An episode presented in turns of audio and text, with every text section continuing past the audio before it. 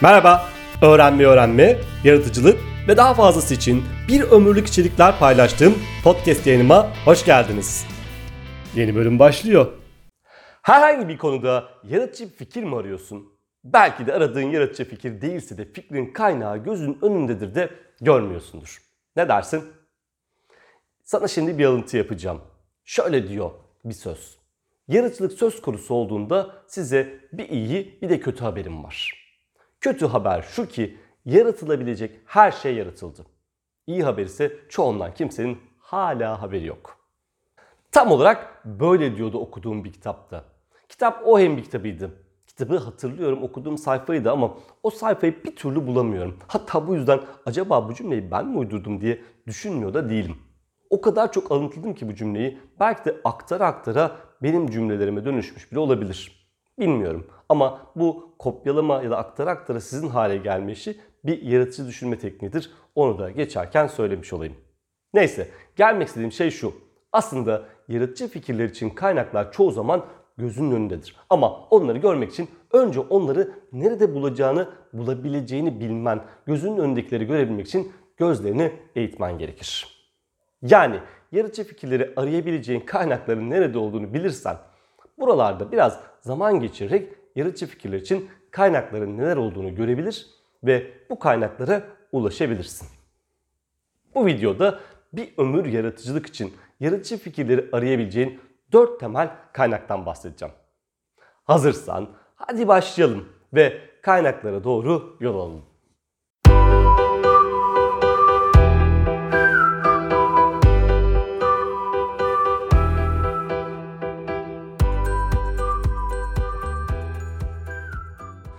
Dört kaynağı sıralamadan önce biraz Wikipedia'da zaman geçirelim ve Japonca bir kelime olan Genba'yı ansiklopedide arayalım.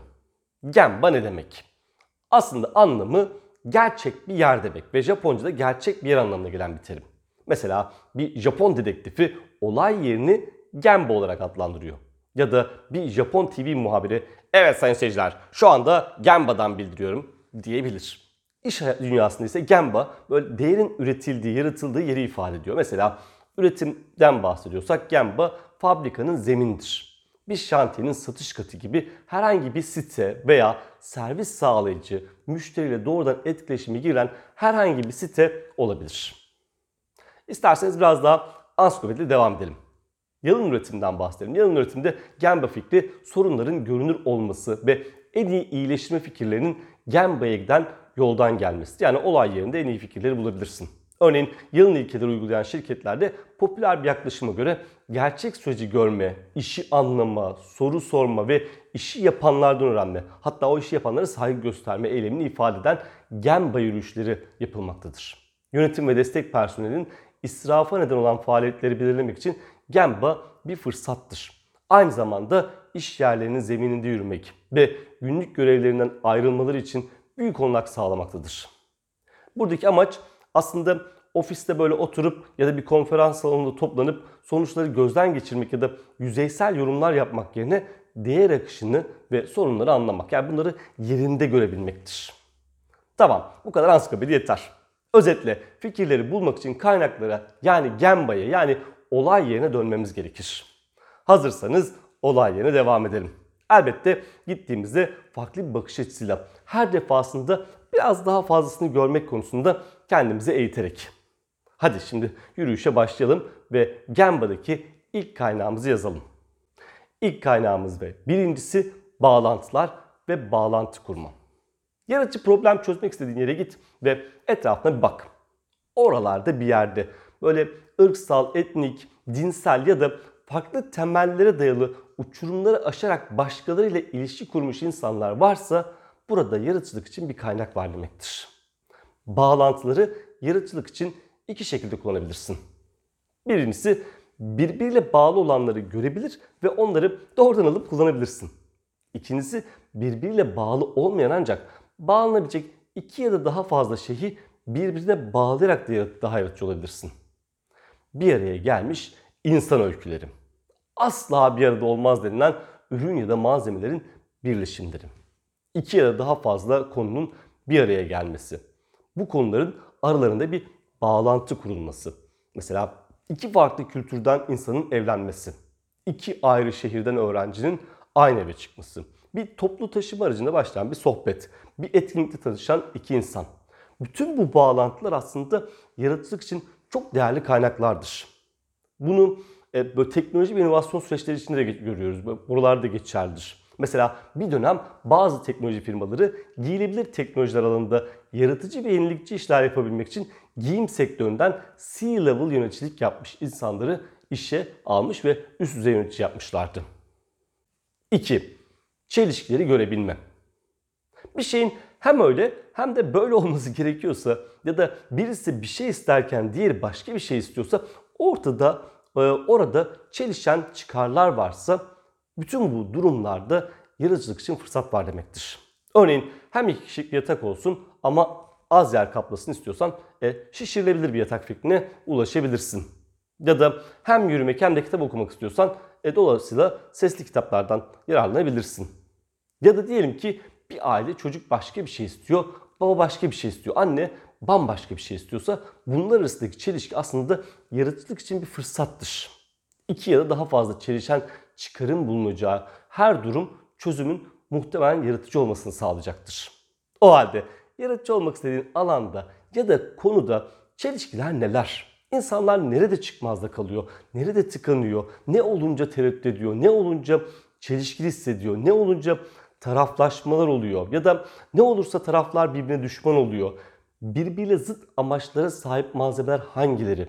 Hangi ürünün satışı diğerini olumsuz etkiliyor? Hangi mevsimde hangi ürün daha az satılıyor? Bütün bu tıkanma noktaları, çelişkili ya da çaresiz durumlar aslında yaratıcılık için değerlendirebileceğin kaynakları ifade ediyor. Ve geldik 3. Yeni olanı bulma. Düşünce alanında atılım yapan, uzun zamandır çözülmemiş bir sorunu çözen, daha önce düşünülmemiş bir yolla bir sorunun üstesinden gelen insanların hikayeleri bu kapsamdadır. Diyelim ki bir proje fikri arıyorsun ve bu konuda yaratıcı bir fikre ihtiyacın var. Bu durumda orada yeni olan, ilk defa karşılaşılan ya da orijinal olan ne var diye bakarak yaratıcı fikir bulabilirsin. Mesela çalıştığın şirkete ilk defa alınan bir buzdolabı bile yaratıcı fikir için kaynak olabilir. İnan bana olur. Yaratıcı insanların ilk defa karşılaştığı ne var? Ne yaparsak orijinal olur? Denenmemiş olanlar neler? Diyelim ki tamamen erkeklerden oluşan bir ekibe ilk defa bir kadın alınır ve olaylar gelişir. Bir çocuk hayatında ilk defa bir zürafa görür ya da bir iş yeri ilk defa yurt dışına ürün satar. Firmamız ilk defa otomotiv sektörüne bir mal satar. İlk defa bir gözlük atıyorum hızlı okumayı sağlar. İstediğin kadar çoğaltabilirsin. Yeni olan aslında her yerde ya da hayal gücümüzde. Yaratıcılık ve yenilikçilik ise yeninin olduğu yerde. Yani hayal gücümüz buna dahil. Evden çık ve çevrene bak. Yeni açılan bir iş yeri var mı? Mahallede daha önce görmediğin bir araba dikkatini çekti mi? Markette yeni bir çocuk başlamış işe, e, işe bak fark ettin mi bunu? Aa eşim bu renk kıyafeti ilk defa aldı biliyor musun? Kız ilk defa böyle bir cümle kurdu. Bilmem e, ne markası ilk defa böyle bir model ürün çıkarmış. Yani yeniyi bulmak için yeniyi aramalısın. Çünkü orada yenilik, yaratıcılık için kaynak var demektir. Ve 4. Meydan okuma. Şimdi bir yerde aşılması gereken bir güçlük varsa bu yaratıcılık için bir meydan okumadır. O güçlüğü aşma çabası her zaman yaratıcı fikir için kapı aralar. Bu herhangi bir şey olabilir. Küs iki tane insanı barıştırmak da rekabet halindeki iki departmanın birbiriyle rekabete girmesine ön ayak olmakta. Ya da daha geniş düşün. Mesela diyelim ki İstanbul Adana uçağını kaçıran ama yarın Adana'da o toplantıya mutlaka katılması gereken biri mesela onun e, meydan okuması. Ya da bu çok mu iddialı oldu? Daha basit düşünelim. E, zor bir müşteriyi ikna etmek. Kimsenin giremediği bir pazara girmek. O böyle eğlencelere hiç gelmez denilen birini iş eğlencesine götürmeye çalışmak. Bu yaştan sonra doktora yapmak. ikinci bir dili öğrenmek. Haftada iki kitap okumak. Her gün 20 dakika yürüyüş yapmak. Gecenin saat 3'ünde haftalık video çekmeye çalışmak. Şu anda olduğu gibi. Hayatın her yerinde meydan okumalar var ve bu meydan okumalar aslında yaratıcılık için çok değerli kaynaklar. Gördüğün gibi yaratıcılık için kaynak çok. Bir ömür yaratıcılık için yaratıcı fikirler arayabileceğin bu dört kaynağı kullanarak daha yaratıcı olabilirsin. Yaratıcı olman için çevrende kaynak çok. Elbette sen bakmayı bilirsen. Hoşça kal.